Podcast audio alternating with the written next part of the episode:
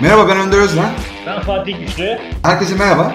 Law Podcast medya işbirliği ile gerçekleştirmekte olduğumuz Fikri Mülkiyet ve Bilişim Hukuku isimli podcast serimizin 9. bölümüne hoş geldiniz. Bugünkü konumuz tasarım korumasının kapsamı, sınırları ve koruma dışı haller. Konuğumuz ise Deniz Merve Ersoy Pınar. Denizciğim merhaba, hoş geldin. Merhaba Önder Bey. Denizciğim hoş geldin. Hoş bulduk Fatih Bey. Sefalar getirdin. Çok teşekkür ediyoruz katıldığın için. Ben de size çok teşekkür ediyorum. Böyle bir projeye beni de dahil ettiğiniz için sağ olun. Sağ ol. Denizciğim ben izninle kısaca senden bahsetmek istiyorum ama kısaca yapmak istesem de o kadar uzun bir profil yazın var ki bende. Kendi aldığım notlardan bir de yayınlarından biraz olsun bahsetmek istiyorum. Tanısınlar, dinleyenler bilsinler kimle konuştuğumuzu. Ona göre de belki daha dikkatli dinlerler diye ümit ediyoruz her programda. Deniz 2007 senesinde Galatasaray Üniversitesi Hukuk Fakültesinden mezun oldu. Aynı üniversitenin ekonomik hukuk yüksek lisans programını ilaç üreticisinin sorumluluğu kapsamında ayıp kavramı konulu tezi ile 2009 senesinde tamamladı. Bundan önce de 2008 yılında tüketici hukukunda sözleşme türleri konulu teziyle İstanbul Borsası'na kaydoldu. Kendisi bizimle de APPI Türkiye Derneği daha önceki bölümlerde de bahsettik. Kendisiyle orada tanıştık. Fikri Mülkiyet Hakları Koruma Derneğimizde. Ben açıkçası kendisiyle son 3-4 yıldır mevzuat çalışma grubunda birlikte çalışıyorum. Kendisi fikri ve sanayi mülkiyet hukuku, sağlık hukuku, tüketici, reklam ve medya hukuku alanlarında uzmanlaşmıştır.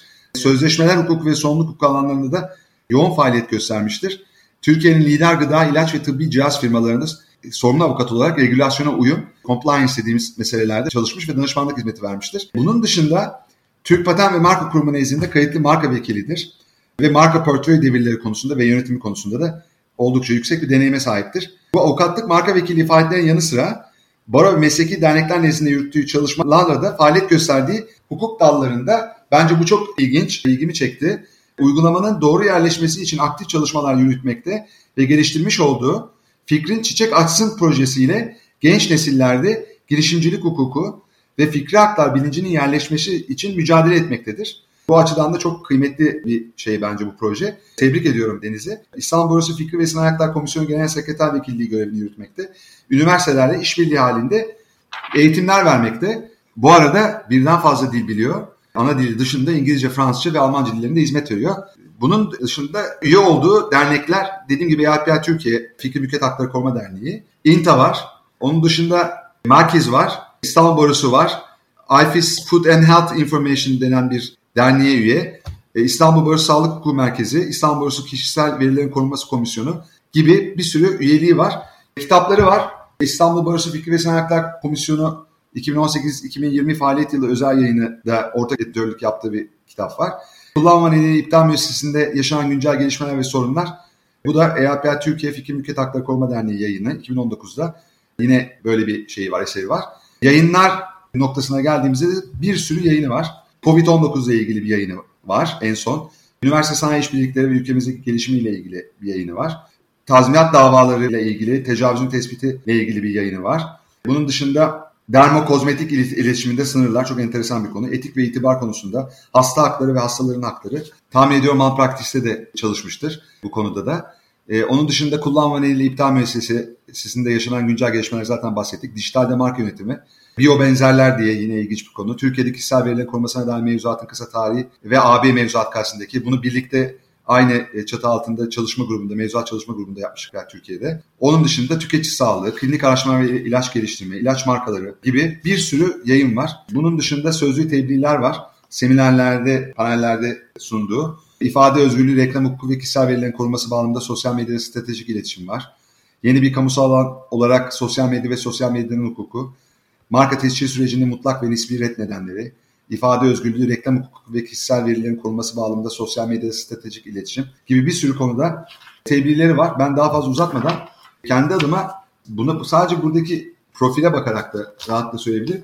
Kendi alanımızda multidisipliner olduğunu görüyorum Deniz'in ve bu oldukça zor. Birden fazla dili bilmesi ve birçok kaynağa ulaşabilmesi bizden en azından daha Fransızca ve Almanca biliyor olması bizden farklı olarak onu daha fazla kaynağa ulaştırmış ve bu sayede bir sürü yayına, tebliğe imza atabilmiş. O yüzden de kendisinden de çok şey öğreneceğimizi düşünüyorum. Bugünkü yayında değil, her zaman olduğu gibi, daha önce de olduğu gibi ileride de inşallah birlikte hep devam ederiz. Ben açıkçası bu bölümde de tasarım hukukunun koruma kapsamı vesaire noktasında Deniz'in çok güncel ve kapsamlı, sürekli araştıran ve okuyan birisi olarak bize daha güncel bilgiler de verebileceğini düşünüyorum. O yüzden dinleyiciler açısından hiç sıkıcı olmayacaktır. Ben Fatih'e de kısa bir söz verip Fatih'in de varsa paylaşmak istediği düşünceler ve duygular onları da alalım. Ondan sonra Denizciğim biz sana sözü vereceğiz. Sen istediğin yerden başlayabilirsin. Fatih sana veriyorum mikrofon. Hakikaten çok yoğun ve dolu bir CV. Deniz hakikaten hem kişiliği olarak hem de hukukçu olarak sevdiğimiz, değerli bulduğumuz bir insan. E, ben de senin gibi bu podcast'in tasarım hukuku ile ilgili olarak çok dolu ve güzel geçeceğini, dinleyicilerimiz açısından da son derece faydalı olacağını düşünüyorum. Deniz mikrofon senin. Çok teşekkür ediyorum her ikinize de. Önder Bey özellikle bu kadar uzun uzun uzun anlattığınız için teşekkür ediyorum. Ben daha evvel bu şekilde uzun bir yerde tanıtıldığımı hatırlamıyorum. Gerçekten sağ olun. Kısaca ama ben de bir konunun altını çizmek istiyorum. Özetle söyleyeyim. Mesleki hayatıma başlamadan, aktif olarak başlamadan bir yıl evvel Üçüncü sınıfın sonunda şu anda da o zaman da Türkiye'nin lider hukuk bürolarından fikri mülkiyet alanında bir hukuk bürosunda yaz stajı yapmıştım. O zaman fikri mülkiyet hukuku alanına gönlümü kaptırdım. Akabinde de zaten stajyerlikten itibaren hiç ayrılmadan fikri ve sanayi mülkiyet hukuku alanında çalışmaya başladım. Diğer alanlar bağlantılı işte reklam hukuku, sağlık hukuku, ilaç hukuku gibi alanlar da dahil.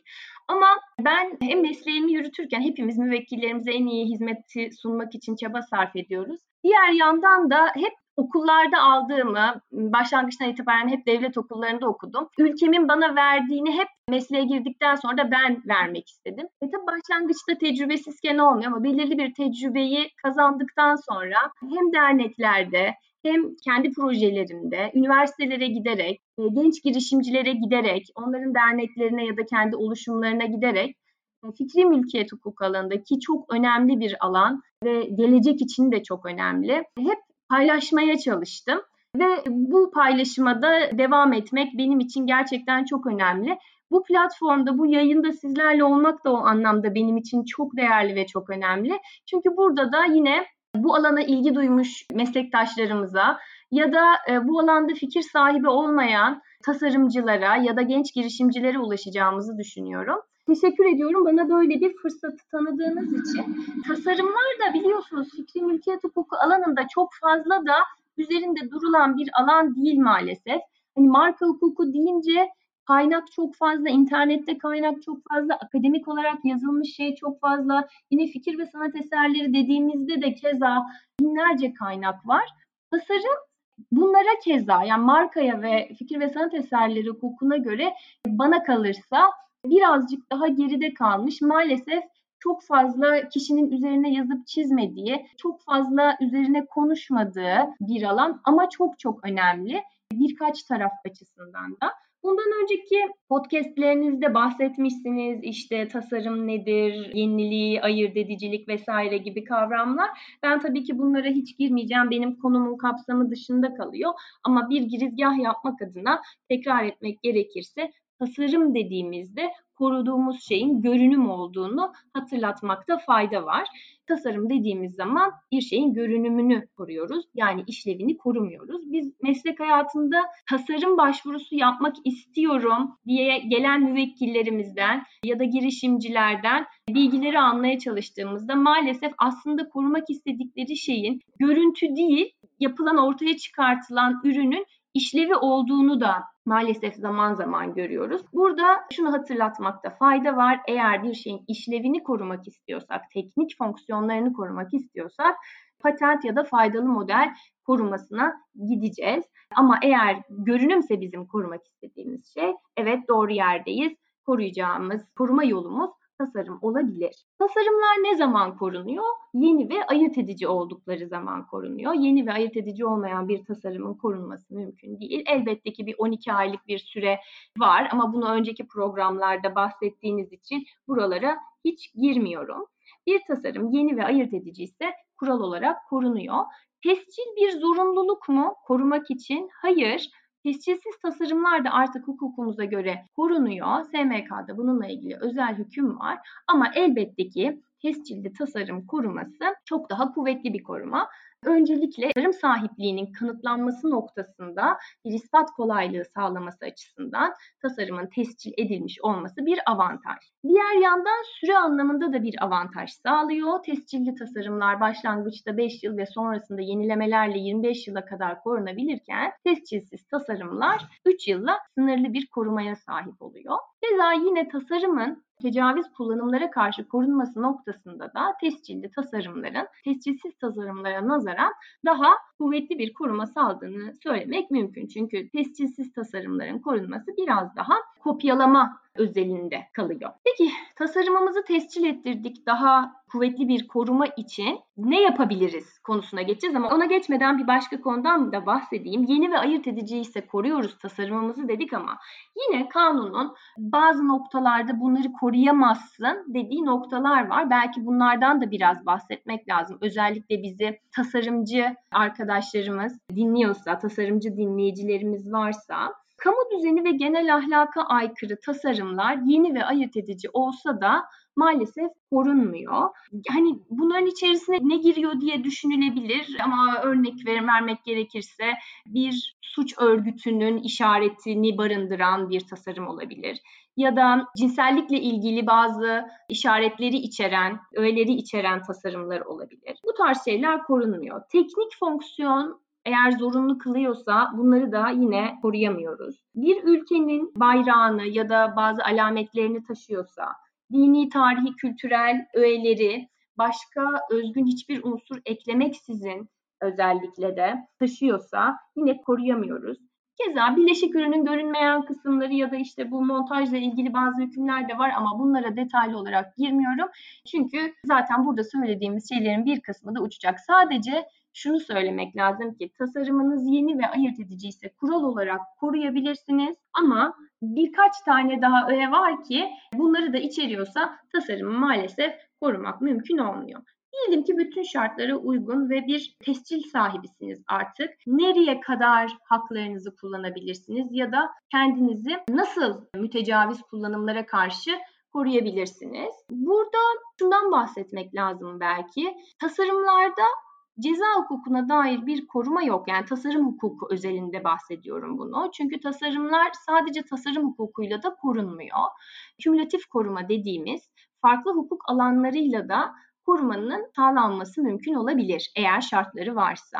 Örneğin bir kumaş deseni aynı zamanda eğer şartları varsa fikir ve sanat eserleri kanunu kapsamında da korunuyor olabilir. Ya da ortaya çıkan ürün hem tasarım olarak, tescilli bir tasarım olarak korunabilecekken diğer yandan da Türk Ticaret Kanunu kapsamında haksız rekabet hükümleri çerçevesinde korunuyor olabilir. Zaman zaman bu bahsettiklerime göre daha nadir de olsa marka ve tasarım korumasının da örtüştüğü noktalar olabiliyor. Her bir vakasında hangi koruma yönteminin daha işlevsel olduğuna bakarak ilerlenmesinde fayda var. Vaka bazında ilerlemekte fayda var diyebilirim. Denizciğim. Buyurun. Burada tasarımla markanın içe geçtiği bir örnek verebilir misin? Ya ambalaj tasarımları var mesela süt ürünlerinde. Evet. Veyahut da işte şiş tasarımları var.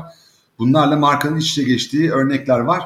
Bundan da kısaca bahsedebilirsen. Tabii ki. Şöyle söyleyeyim. Şimdi markalar eskiden tabii ilk ilk başlangıçta sadece kelime markaları, sonra şekil markaları, sonra üç boyutlu markalar, ürün şekilleri, ambalajlar vesaire derken aslında marka deyince de Belki burada hukuk alanında çalışmayan, faaliyet göstermeyen dinleyicilerimiz de vardır.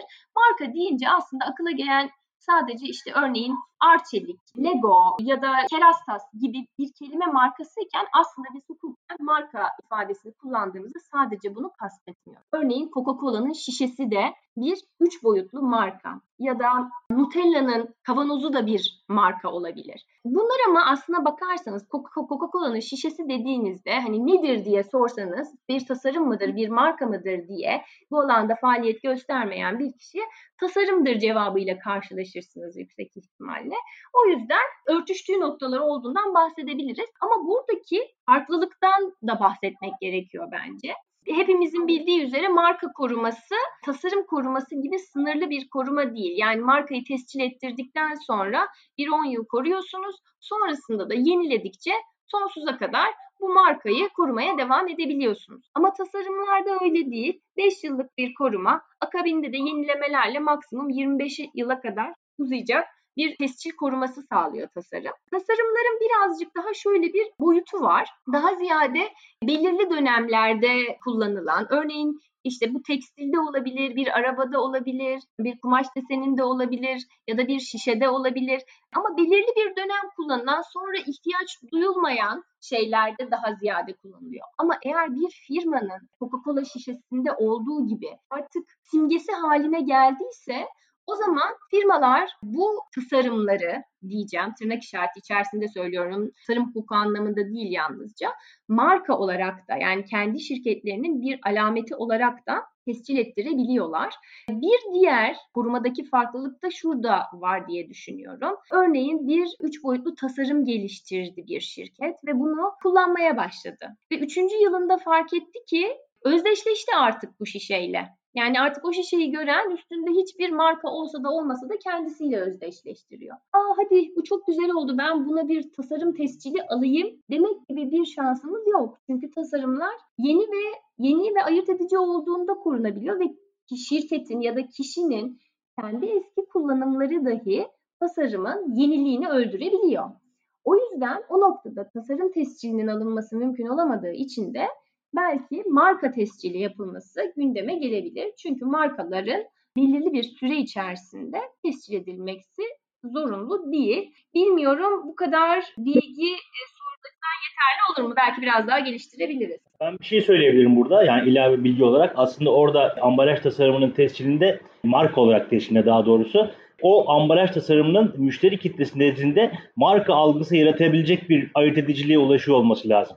Yani Coca-Cola şişesi örneğinden gittiğimizde hakikaten Coca-Cola şişesi diğer kola ürünü satan firmaların şişelerinden marka algısı yaratacak kadar başkalaştırılmış olduğu için ister istemez bir marka algısı oluştuğundan aidiyeticilik fonksiyonu bazında ambalaj olarak tescil edilebiliyor. Yani şunu da söylemek lazım. Her ürün ambalajını tutup da bir marka tescili yapabilmek mümkün değil. Burada bu özelliği olan tasarımları marka olarak tescilinde dikkate almak lazım diye ilave bir bilgi olarak ben Deniz'e destek olayım. Kesinlikle katılıyorum Fatih Bey. Ayrıca şöyle de bir şey var. Yani bu özelliklere sahip olmayan bir ambalaj tasarımının tescil edilmesi bir menfaat de aslında sağlamıyor. Çünkü eğer zaten içeriği ayırt edici değilse birincisi marka tescili alsa dahi hasbel kadar birincisi korumayı yeterince sağlamıyor. Zayıf bir marka çıkıyor. İkincisi ambalajlar çok sıklıkla değişen tüketiciyi yakalayabilmek adına ürünler olduğu için her sene ya da her sezon yeni bir ambalaj tescili yapılması ayırt edicilik anlamında çok öne çıkan bir şey değilse marka olarak tescil alınması çok da manalı olmayabilir. Genellikle o yüzden firmalar ne yapıyorlar? ambalajın tamamını değil ama belirli mesela bir çikolata ya da ne bileyim kahvaltılık gevrek olabilir belki ambalajda kullanılan, her zaman kullanılan, belirli noktalarda kullanılan bir maskot olabilir. Ya da logo her zaman aynı stilize şekilde yazılıyor olabilir. Şemsiye marka hep aynı yerde konumlandırılıyor olabilir. Bu gibi temel unsurlarını barındıran ama sezonsal olarak da değişen unsurlarını içermeyen daha sade ambalajları marka olarak tescil ettirebiliyorlar. Diğer sezonsal öğeleri taşıyan, o döneme yönelik özel bazı şeyleri taşıyan, daha geçici olan tasarımları da tasarım tescili kapsamında koruyabiliyorlar. Orada bir de ben şey eklemek istiyorum. Burada tabii hepimizin ilgilendiği ve ilgilenmesi gerektiğini e, düşündüğüm işte stratejik yaklaşım, fikir aklının stratejik yönetimi meselesi. Orada da marka tasarım kümülatif korumadan bir haber olan tasarımcının aslında danışmanı tarafından, hukukçusu tarafından veya böyle, böyle birisi yoksa böyle birisiyle işbirliği yapması gerektiğini öncelikle söylemek lazım ama o danışmanla işbirliği yaptığı noktada danışmanın da bu olasılıkları ona anlatıyor olması ve bu seçeneklerin sahip olduğunu bilmesi çok önemli. Günümüzde bu galiba biraz arttı artık ama hala ben gereken seviyede olmadığını düşünüyorum. Tasarımcı sahip tasarım tescili alarak değil, diğer bizim fikri mülkiyet hukukundaki alanlarda da kümülatif koruma elde edip edemeyeceğini sorgulaması bence çok önemli. Ve tabii ki burada eser koruması tasarım dendiğinde hatta FİSEK'te yer alan ve aynı zamanda TİNİT tasarım bölümünde de SMK'nın yer alan eser olan bir fikri ürünün tasarım olarak korunmasının engellenmeyeceği veyahut da tasarım olarak korunan bir ürünün yine eser olması engelleyemeyeceği e, noktasında biraz da sanki ondan bahsetmekte fayda var. Bu e, ambalaj tasarımının marka olarak korunması dışında bir tasarımın da eser olarak korunması kuvvetli muhtemel. Dolayısıyla orada da yine eserde sınırsız, süresiz bir koruma neredeyse yaşam boyu ve sonra 70 yıl. Dolayısıyla daha efektif, daha lehe bir koruma gibi gözüküyor. Tabii ki de ispat güçlüğü vesaire var orada da. O bakımdan bu iki şeyi de yine sen bize anlatırsan ve artı ve eksilerini paylaşırsan belki bu noktada da farklı bir düşünsel açılım sağlamış oluruz. Tabii ki Önder Bey. Öncelikle ilk girizgahta söylediğiniz şeyi ben de temas etmek istiyorum. Fikri hakların stratejik yönetimi gerçekten çok çok önemli bir konu. Maalesef bazen işte danışanlarımız geldiğinde marka portföylerini gösterdiklerinde bazen gerçekten hayretle karşılıyorum. Çünkü tek bir markası var aslında firmanın zaman zaman. Ama onlarca marka tescili alınmış. Sadece bir markanın yanına ayırt edici olmayan unsurlar eklenmek suretiyle ve aynı sınıflarda ve çok fazla sınıfta. Fikri hakların korunması maliyetli bir alan maalesef. Yani diğer hukuk alanlarına göre belki daha maliyetli ve daha arkada kalan bir alan. Ama doğru yönetilmediği takdirde maliyet çok daha fazla büyüyor. O yüzden doğru yönetim yani doğru şeyler için tescil başvurusunda bulunmak, doğru tescillenmiş şeylerin sadece ihtiyaç olanlarını yenilemek, bir hakkın hangi hukuk alanıyla daha doğru korunabileceğini ya da daha işlevsel korunabileceğini tespit etmek çok önemli. E söylediğiniz gibi evet ülkemizde gelişen bir alan ama maalesef özellikle bu Türk patentin de sisteminin çok kolaylaşması, yani bu, bu iyi bir şey aslında maalesef diyerek başladım ama çok güzel bir veri tabanı var Türk patentin. Başvuruları vesaire yapabildiğiniz. Çok kolay, çok user friendly diyeceğim. Artık kişiler kendileri kendileri için marka başvurusu, tasarım başvurusu yapıyorlar. Ama aslında burada maliyetler düşürülüyor gibi düşünülürken maalesef maliyetler artıyor. Çünkü bir bilinçle yapılmadığı takdirde fikri haklar portföyü doğru bir şekilde yönetilmediği takdirde maalesef yükü de, takip yükü de maddi yükü de daha fazla oluyor. O yüzden bir uzmanla ilerlemenin bu bir in-house olabilir ya da dışarıdan alınan bir destek olabilir e, çok önemli olduğu konusunda size katılıyorum. Fikir ve sanat eserleri kanunu ve tasarım hukuku anlamındaki korumaya gelince evet sizin de söylediğiniz gibi fikir ve sanat eserleri kanunu çok daha uzun sürelerle bir koruma sağlıyor ve kuvvetli de bir koruma sağlıyor. Örneğin ceza hukukuna dair koruma da var ve tasarım hukukunda olmayan maalesef. Tasarım hukuku anlamında da daha kısa süreli bir koruma ama tam da sizin temas ettiğiniz üzere hak sahipliğini kanıtlama noktasında güzel bir araç olduğunu düşünüyorum. Biliyorsunuz bazı eserlerin tescil edilmesi zorunlu ama çoğu eser tipinin de böyle bir tescil prosedürü yok. Yani telif hakkı, eser sahipliğine dayanan haklara sahip olabilmek için bir yere gidip tescil almıyorsunuz. Bu noktada da zaman zaman hak sahipliğinin ispatı noktasında sıkıntı yaşanıyor. Çok yakın zamanda tecrübe ettiğim bir olayı paylaşayım.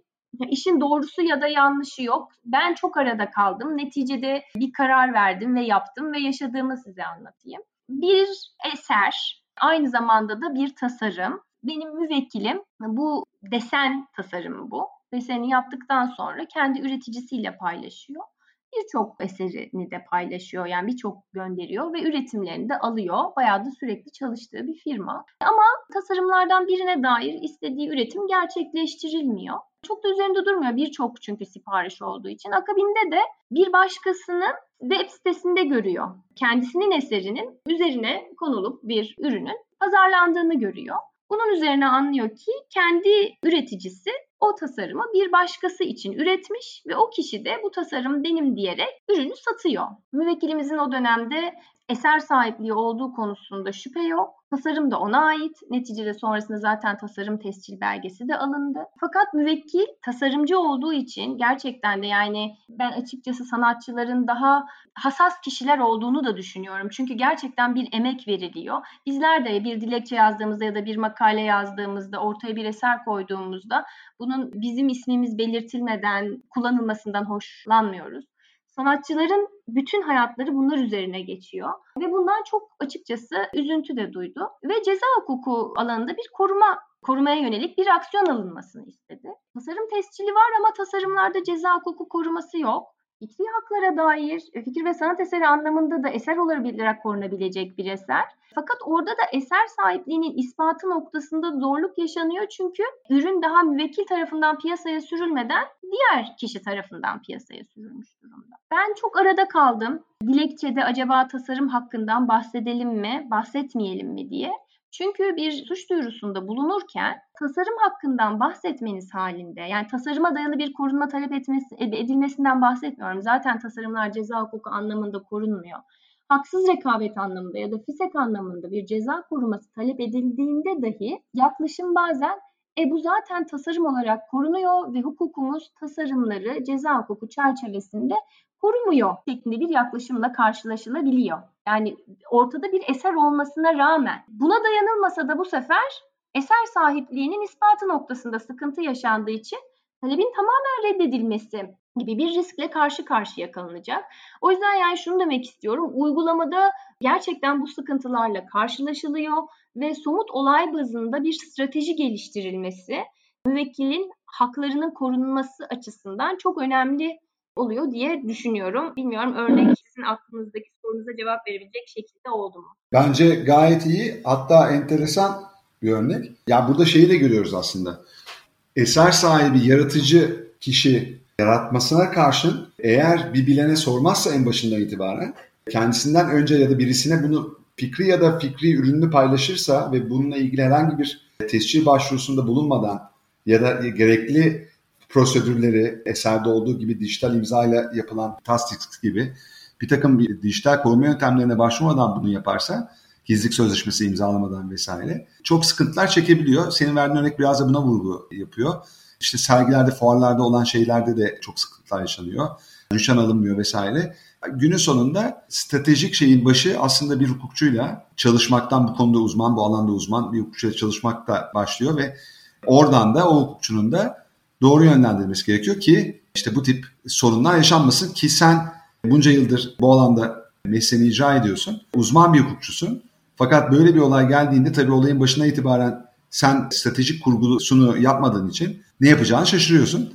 Aynen öyle çünkü zaten vaka bize geldiğinde çoktan paylaşılmış ya da yani çoktan bazen kamuya sunma gerçekleşmiş üzerinden vakit geçmiş. Bazen gizlilik beyanı sunulmadan birçok kişiyle paylaşılmış. Olabiliyor yani yapılmış şeyi size geldikten sonra vakit düzeltebilmek mümkün değil. O yüzden kesinlikle size katılıyorum. Startupların da burada özellikle dikkatini çekelim. Çünkü bir startup ancak gerçekten güzel bir fikir varsa ortaya çıkıyor. O fikir bir patenti olabilecek bir ürün olabilir ya da bir sanat eseri olabilir. Somutlaştığı ölçüde de zaten gelir getirici bir hale geliyor. Ama maalesef startuplarımız başlangıç döneminde özellikle de yatırıma ihtiyaç duydukları için birçok yerle görüşmeye gidiyorlar ve startuplar çoğunlukla da genç genç arkadaşlarımız oluyor. O masalara bir gizlilik sözleşmesi koymayı bazen düşünemeyebiliyorlar ya da düşünseler de buna cesaret edemeyebiliyorlar. Çünkü çok büyük yatırımcılarla da aynı masaya oturabiliyorlar bazen genç yaşlarında. Ama bunların hepsinin sonuçları olabiliyor. O yüzden çok dikkat etmek gerekiyor özellikle başlangıçta. Bir bilinç meselesi herhalde. Yani sanatçı kişilikler veya tasarımcılar bu yönüyle toplumumuzda daha fikri hakların korunmasına yönelik bir bilince sahip değiller. Yani en azından daha önceki podcastlerimizde de söyledik. Bu yapmış olduğu tasarımı veya eser üzerinde bir zaman damgası yapmayı alışkanlık haline getirirlerse onlar için en azından eser sahipliğinin ispatı bazında büyük bir kolaylık olacaktır diye düşünüyorum ben. Evet katılıyorum. Çok da güzel aslında projeler var. Hatta şu anda ismini aklıma getiremeyeceğim ama bir Türk girişimci de var. Yine bir zaman damgası ile ilgili olarak çok da büyük uluslararası arenada da bilinir hale gelmiş ve yurt dışında da birçok resmi makam tarafından da tespitleri yani yine blockchain üzerinden yapıldığını düşünüyorum. Tespitleri kabul gören, açıkça kabul göreceği belirtilmiş Türk girişimciler de var. Gerçekten söylediğiniz doğru. Bunlar yapılırsa korumanın sağlanması da bir o kadar kolay oluyor. Biz hukukçuların da işleri kolaylaşmış oluyor. Burada Deniz'ciğim ben şeye yön vermek adına sohbetimize burada yani sonuçta tasarım korumasının kapsamı sınırları meselesine aslında daha iyi vakıf olabilmek adına sadece tasarımın varla yetinme zorunda değil tasarımcı, yaratıcı kişi. Diğer fikir mülkiyet hukuk alanlarıyla da dans edebileceğini bilmesi ve onların sağlayacağı bir sürü avantajdan da faydalanabileceğini söylemiş oluyoruz. Buradan da aslında duruma göre de uyuşmazlığın nevine göre de somut maddi olgulara göre de bu koruma türlerinden birine ya da birkaçına dayanabileceğini söylemiş oluyoruz. Bizim yani özellikle şu andan itibaren biraz daha süremiz var. Senin özellikle güncel hayatta karşılaştığın ve tasarımcının iki tip tasarımcı var bence yani veya tasarım tescili alan var Türkiye'de. Dünyada da öyle öyledir diye düşünüyorum. Bir tanesi defansif amaçla bunu alıyor. Diğeri de ofansif amaçla alıyor. Gerçekten yeni ve yaratıcı bir tasarımı olan tasarımcılar var. Gerçekten böyle bir tasarımı olmayan ya da olduğunu düşünüp de elinde olmadığını sonra da anlayan tasarımcılar var. Bunlar arasında bugüne kadar karşılaştıklarını da hatırına getirildiğinde özellikle bize anlatmak istediğin şeyler varsa pratikle harmanlayarak bizimle paylaşırsan çok kıymetli olur. Ben açıkçası merak ediyorum. Yani kötü niyetli tasarım tescili alanlardan başlayabilirsin. Bir de senin bize yayın öncesinde de söylediğin iş görenle işveren arasındaki ilişki yani freelance olan veyahut da çalışan tasarımcının durumunu da konuşalım istersen birlikte. Bunlar aslında hem freelance yaratıcılar, tasarımcılar açısından da önemli bilgiler iletmiş olabiliriz. Hem de tasarımı yaratan veyahut da tasarımı sipariş verip de bu tasarımı daha sonra freelance tasarım yaratıcıya karşı e, nasıl koruyacağına yönelik de yine önemli bilgiler paylaşmış olabiliriz diye düşünüyorum. Tabii ilk önce ilk bahsettiğiniz kısımdan bahsedeyim. Kötü niyetli tasarım tescilleri. Özellikle SMK öncesinde çok daha fazla karşılaştığımız bir durumdu. Çünkü SMK öncesinde yenilik incelemesi de yapılmıyordu ve e, tasarım tescili başvurunuzun zaten biliyorsunuz tasarım başvurusu diye bir kavram da yok. Yani markadaki gibi bir başvuru süreci sonra tescil değil. Başvurunuzu yaptığınız anda tasarım tescili sahibi olmuş gibi bir şey oluyordunuz. E, sonrasında da yayına çıkıyordu. İtiraz gelmemesi halinde ki tasarım sicilleri de markada olduğu, yani bültenleri de markada olduğu gibi sıklıkla takip edilmiyor maalesef ülkemizde. Genellikle kişiler rakiplerinin tasarımlarını takip ediyor oluyorlar. Birçok tasarım yeni ve ayırt edici olmasa dahi tescil edilebiliyordu.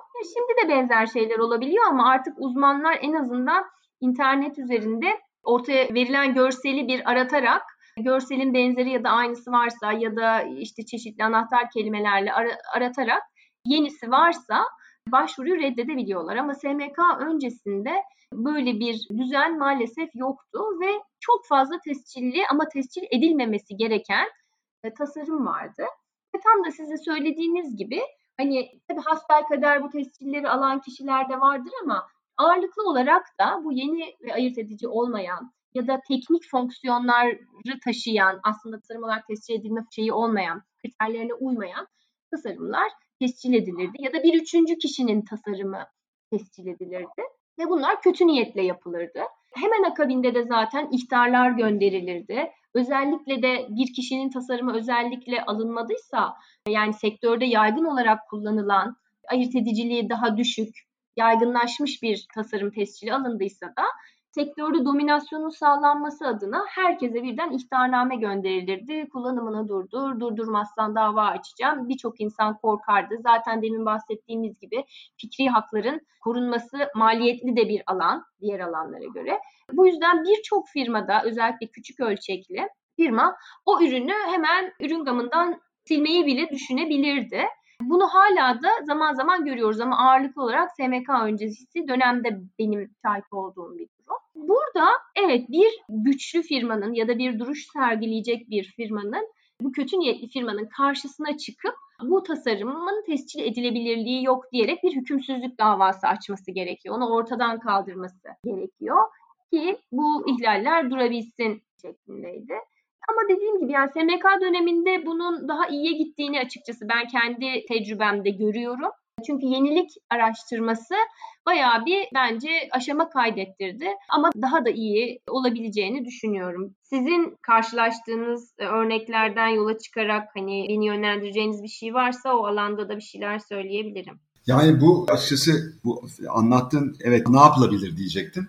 Savunma amaçlı olarak bu kötü niyet tasarım tescili sahiplerine karşı. Bir kere şey lazım yani gasp varsa gasp davası açılabilir ya da hükümsüz davası açılabilir. Bunların bugün de her zaman yapılabilecek şeyler bunlar. Bu defans araçları ve bunun dışında da tabii öncelik sonralık ilişkisi var. Geçiş süreci var. Hoşgörü süresi dediğimiz grace period dediğimiz şey var. Bütün bunlara çok dikkat etmek lazım ve olabildiğince de ketum olmak lazım. Ve kendi ayağımıza kurşun da sıkmamamız lazım. Bu bağlamda da bununla da çok sık karşılaşıyoruz. Dolayısıyla aslında bazen kendi kendimize kötülük yapmış oluyoruz. Kötü niyetli olmasak bile. Üçüncü kişiler arasından da bugün dediğin gibi bunun azalmış olması çok sevindirici. Buradan itibaren istersen işveren işgören ilişkisine dönelim. Hem şirkette çalışan çalışanın durumu hem de freelance işgörenin aslında ne gibi hakları olduğunu bu noktada işveren tasarımın sahibi ol- olacak olan kişinin nelere dikkat etmesi gerektiğini sözleşmesel bağlamda da bence açarsak iyi olur diye düşünüyorum. Buradan devam edebiliriz eğer senin için de uygunsa. Evet, kesinlikle çok çok önemli bir konu. Çünkü yine başlangıçta birine bir tasarım yaptırıyorsanız, tasarımı yani işveren anlamında söylüyorum. Eğer bir tasarım yaptırma ihtiyacı içerisindeyseniz yeni bir yolun başlangıcındasınızdır ve heyecanlısınızdır. Yaptırdığınız şeyi de kullanacaksınız bir noktada. Ve niyetiniz de ona dair güzel şeylerin olması ve bir noktada da gelir getirici bir şeyin bir parçası olması. O yüzden çoğunlukla yani eğer bir oturmuş şirket yoksa küçük ölçekli bir şirketse ya da bir girişimci ise şu anda mesela sosyal medya üzerinden hesap açıp birçok takipçisi olan ve bunu da aynı zamanda bir gelir kapısı olarak kullanan kişiler de var.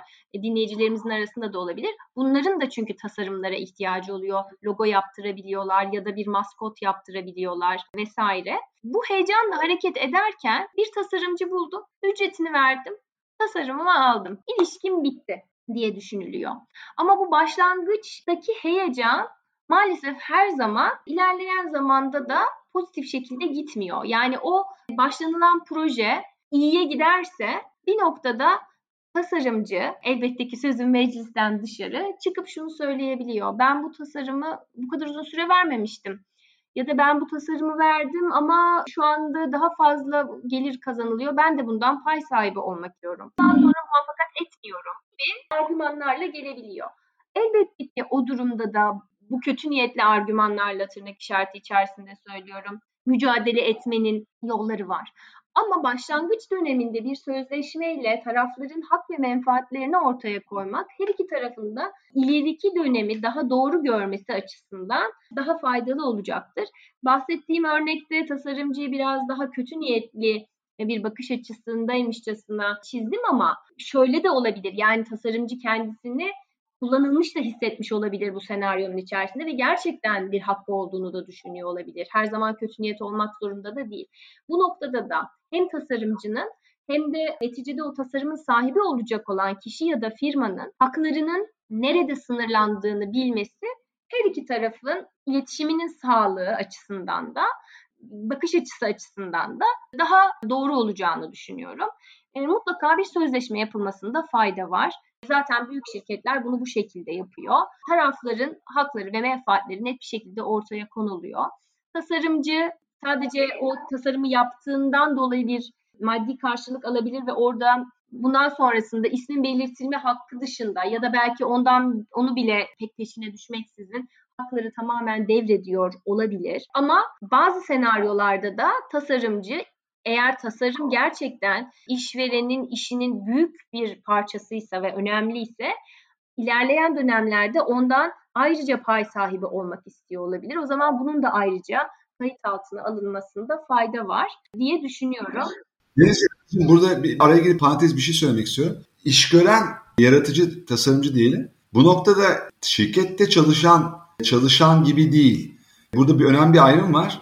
Tasarımcı yarattığı eser üzerinde ve tasarım aynı zamanda üzerinde yarattığı andan itibaren aslında eser sahibi olarak münasır bir takım haklara sahip ve bu hakları sözleşmeyle devretmediği sürece ve yazılı bir sözleşme olmadığı sürece eserden doğan en azından haklar bazında bakarsak çünkü tasarımdan doğan haklar ayrı olarak dillendirilmeli. Bana kalırsa eserle ilgili olan yönü varsa, eser yönü varsa eserle ilgili olan hakları da ayrı yapılmalı ve manevi haklar eser bölümlerinde de konuştuk biz devredilmez haklardan ve lisanslanabiliyor onlar süresiz olarak. Ve bu bağlamda baktığımda da şey yanılgısına düşmesi mümkün sipariş veren işverenin. Yani ben bunu yaptırdım senin dediğin gibi. Benim oldu. Ah, hayır sözleşme yapmazsan hiçbir şey senin olmadı. Tasarımcı da kalmaya devam eder o haklar. Saklı kalmaya devam eder. Ve sen verdiğin paradan sonra tek ödemeyle nakden ve defaten bu işi bitirdiğini zannedersin.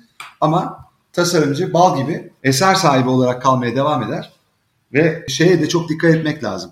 O yüzden sözleşmedeki hükümler bu bağlamda çok büyük bir önem arz ediyor. Senin dediğin gibi aslında uzgörülü bir sözleşme hazırlanması lazım tasarımcı açısından özellikle. Çünkü zayıf konumda olan genellikle freelance çalışan tasarımcılardır aslında bu noktada.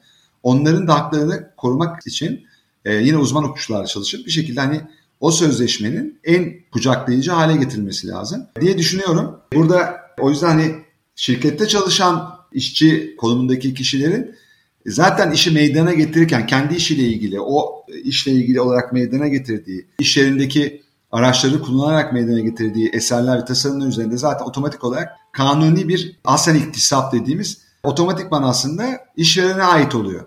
O kadar farklı ki işte freelancerla yapılan yani iş görme sözleşmesi dediğimiz sözleşmeler orada devir hükümleri olmaz ise ve sözleşme yazılı bir sözleşme olması ise böyle bir devir gerçekleşmiş olmuyor ama işveren işçi ilişkisinde bu otomatikman gerçekleşiyor. Tabii orada da bir takım trikler var. Onlardan da istersen bahsediver. Şöyle şuradan başlayayım. Aslında çok önemli iki noktaya parmak bastınız.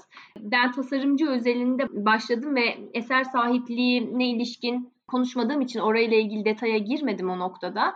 Eğer tasarım dediğiniz gibi bir eser niteliğindeyse, sahibinin hususiyetini yansıtıyorsa ve eser olmanın diğer kriterlerini de taşıyorsa o zaman zaten mutlaka ama mutlaka yazılı bir sözleşme olması gerekiyor. Sadece eser niteliği taşımayan bir tasarım söz konusu olduğunda da önerim her halükarda mutlaka bir sözleşme olması ilerideki o doğabilecek ihtilafların önüne geçmek için. Tabii ki söylediklerimin tamamı freelancerlar için yani sözleşme ilişkisi çerçevesinde bir e, tasarımı meydana getirenler için de sizin de çok doğru bir şekilde işaret ettiğiniz gibi eğer şirket çalışanıysa o zaman hak şirket üzerinde doğuyor. Ama burada da çalışanların bu buluşlarda da tartışılan bir mesele. Tasarımcının yani şirket çalışanı olan tasarımcının da bir takım hakları olabilir tasarımın niteliğine göre onun da üzerinde durulması gereken bir mesele olduğunu düşünüyorum. Bir noktaya daha değineceğim. Eser söz konusu olduğunda manevi haklar evet dediğiniz gibi devredilemiyor. Tasarım söz konusu olduğunda da tasarımcının yani tasarım sahibi sicilde şirket ya da başka bir kişi gözükse dahi tasarımcının kendi adının belirtilmesini isteme hakkı var. E, Türk Patent'in sicilinde de tasarımcının adı eğer özellikle gizli tutulmadıysa mutlaka gösterilir. Ama bunun gizli tutulması da mümkün. Sistem üzerinden de zaten buna izin veriyor. Yani siz oraya bir girdi yaparak tasarımcının ismini sicilde de yani kamuya açıklanması noktasında söylüyorum gizleyebiliyorsunuz. İstersen son olarak kısaca tecavüz davalarından bahsedelim. Bu anlamda her açılan tecavüz davasında başarıya ulaşabilir mi tasarımcı? Yoksa burada da bir takım şeylere dikkat etmek gerekir mi? Bilirkişilik müessesesi bu noktada nelere bakıyor davalarda? Bilirkişiler nasıl yaklaşıyorlar?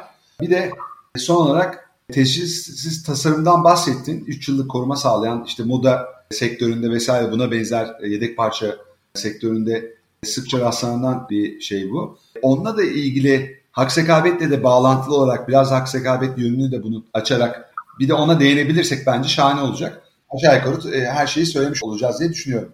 Tamam. Tamam. Benim de aklımda bir de tasarımın korumasının sınırlarından biraz bahsetmek vardı. Zaten bu da tecavüzle çok çiçe geçmiş bir konu. Kısaca şöyle hem sizin sorduğunuz soruları hem de kendi aklımdaki açık kaldığını düşündüğüm noktalara temas edecek şekilde şöyle söyleyeyim. Bir tasarım hakkı sahibi kendi tasarımının genel izlenim itibariyle benzerinin kullanılması halinde üçüncü kişilere karşı tecavüz davası açabiliyor. Tabii ki bu değerlendirme yapılırken tasarımın değerlendirilmesinde seçenek özgürlüğünün derecesi dikkate alınıyor. Tasarımın nasıl yeni ve ayırt ediciliğine e, bakılırken bir inceleme vardı. Burada da her iki tasarım arasında inceleme yapılırken bunlar değerlendirmeye alınıyor. Markalar söz konusu olduğunda da hem teknik bilirkişi hem hukukçu bilirkişi oluyor ama tasarımlar söz konusu olduğunda teknik bilirkişi çok daha önemli bir pozisyonda. Çünkü hukukçu bilirkişi mevzuatın getirdiği hükümleri ve kararları o somut olaya göre olaya işliyor ama bir teknik kişinin yani diyelim ki söz konusu olan bir su şişesi tasarımıysa o alanda çalışan, o alandaki tasarımlara hakim olan, o alandaki teknik ihtiyaçlara hakim olan bir kişi tarafından incelenmesi ya da bir tekstil sektörü ise o alandaki bir kişinin, bir tasarımcının, o sektörü bilen ve tanıyan bir kişinin bu işe bakması çok çok önemli. Çünkü aslında o teknik hem sektöre hem de o tekniğe, tasarım tekniğine hakim kişinin yönlendirmesiyle tasarımlar arasındaki benzerlik inceleniyor ve oradaki benzerlik tespitine göre hukukçu mevzuatın ya da benzer somut olaylardaki içtihatların olaya uygulanabilir olup olmadığına karar veriyor. Burada omuz omuza yani bir kişilik müessesesinde de bir omuz omuza çalışma olması aslında beklenir. Diğer yandan da hani dava ile ilgilenen avukatlar özelinde de ya müvekkilin kendi içindeki tasarımcıyla müvekkilin avukatının birlikte omuz omuza çalışması ya da eğer böyle bir tasarımcı yoksa ve şirketin ihtiyacı varsa bu alandaki bir uzmanın desteğinin alınması çok önemli. Bir uzmanla beraber ya da sektörün içindeki müvekkilin kendisiyle beraber yazılan dilekçeler ve sunulan savunmalar her zaman sadece tek bir hukukçunun hazırlayıp sunduğu dilekçelerden çok daha kuvvetli, gerçekçi ve ayakları sağlam basan dilekçeler oluyor bu e, konuyu da açıkçası ifade etmek isterim. Önemli olduğunu düşünüyorum. Şundan bahsetmek istediğimi söylemiştim. Peki sınırları neler? Tasarım hakkının sınırları neler? Öyle herkese, her kullanıma karşı tecavüz davası açabilir miyiz? Mesela özel amaçla sınırlı kalan ve ticari amaç taşımayan fiiller aslında tasarım hakkının kapsamı dışında kalıyor. Keza deneme amaçlı fiiller de bu şekilde. Ticari uygulamadaki dürüstlük kurallarıyla bağdaşır bir takım kullanımlar tasarımın normal kullanımını gereksiz şekilde tehlikeye sokmadığı sürece de tasarım hakkının sınırı dışında kalan kullanımlar oluyor. Başka örnekler de var ama şimdi tek tek detaylarına girmeyeceğim. Maddenin içerisinde sayılıyor ama en akılda kalan ve önemli değinmek istedim. Bir de kanunda hani ilgili maddesinde sayılmayan sessiz kalma sebebiyle hak kaybı ya da hakkın tükenmesi gibi durumlarda söz konusu olabilir. Ama eğer böyle şartlar yoksa kişinin tasarım hakkı sahibi olarak kendi tasarımına izni olmaksızın benzer şekilde üretilmiş, piyasaya sunulmuş, satılmakta olan, ithal edilen ya da ticari amaçla elde bulunduran bir kişi varsa bunlara karşı hukuk davası açma hakkı var. Hukuk davası derken de bir tespit davası ya da bir tazminat davası, tecavüz davası ve tazminat davası olabileceğinin altını çizmek gerekiyor. Tekrar altını çizmek gerekirse maalesef bir ceza hukuku anlamında koruma olduğundan söylemek mümkün değil. Tasarım hukuku anlamında. Ama eğer tasarım haksız rekabet anlamında korunan bir tasarımsa somut olayın şartlarına göre ki çoğunlukla olur ya da eser niteliğini taşıyorsa o zaman buralardaki korumalar da gündeme gelebiliyor. Tazminat talebi hem kişinin kendi zararı da olabiliyor ya da yoksun kalınan kar da talep edilebiliyor kısaca bahsetmek gerekirse. Bunun dışında aslında bir de gümrük korumasından kısaca bahsetmek istiyorum. Büyük şirketler özellikle buna ihtiyaç duyabiliyorlar. Yani böyle küçük ölçekli şirketlerin taklitçilerle ilgili çok büyük sorunları olmayabiliyor ama bazen tasarım sahibi firmalar ithalat ve ihracat noktasında bir tespit yaparak taklitçilerin üzerine gitmek istediği noktada tescillerini gümrükte kayıt ettirerek buralarda malların durdurulması ve akabinde de e, hukuk davalarının ya da şartlarına göre yine cezai prosedürlerin başlatılması yönünde hareket edebilirler haklarını korumak için. Her zaman sulh yoluyla da çözülebilir. Ben sonra bile İhtarname göndermenin de bir opsiyonu olduğu akıllardan çıkartılmamalıdır diye düşünüyorum. Birçok ihtilafımızı kararname gönderdikten sonra daha ara buluculuk sürecine dahi başlatmadan sonuçlandırıyoruz. Ara buluculuk çok önemli bir müessese. Zaten biliyorsunuz konusu para olan ticari davalarda açılmadan önce zorunlu.